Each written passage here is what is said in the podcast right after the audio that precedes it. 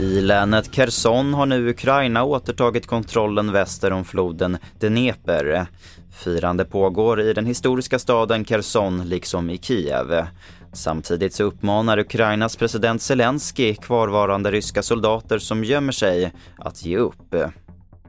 Så till att allt fler insjuknar i demenssjukdomar och enligt Socialstyrelsen förväntas dubbelt så många ha drabbats av en minnessjukdom år 2050.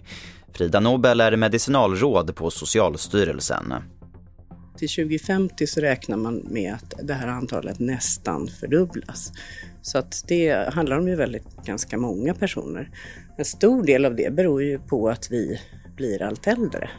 En stor utmaning som fortfarande, eh, som redan är idag, det handlar ju om att också få en utredning för sin, eh, sin demenssjukdom. Och där ser vi ju utmaningar just att få insatser tidigt efter diagnos. Hockeylegendaren Börje Salming hyllades i natt på Torontos hemmaarena i Kanada i samband med den så kallade Hall of Fame-helgen. Salming, som är sjuk i ALS, fick hjälp av sin vän och ishockeykollega Daryl Sittler att lyfta armen och ta emot publikens jubel.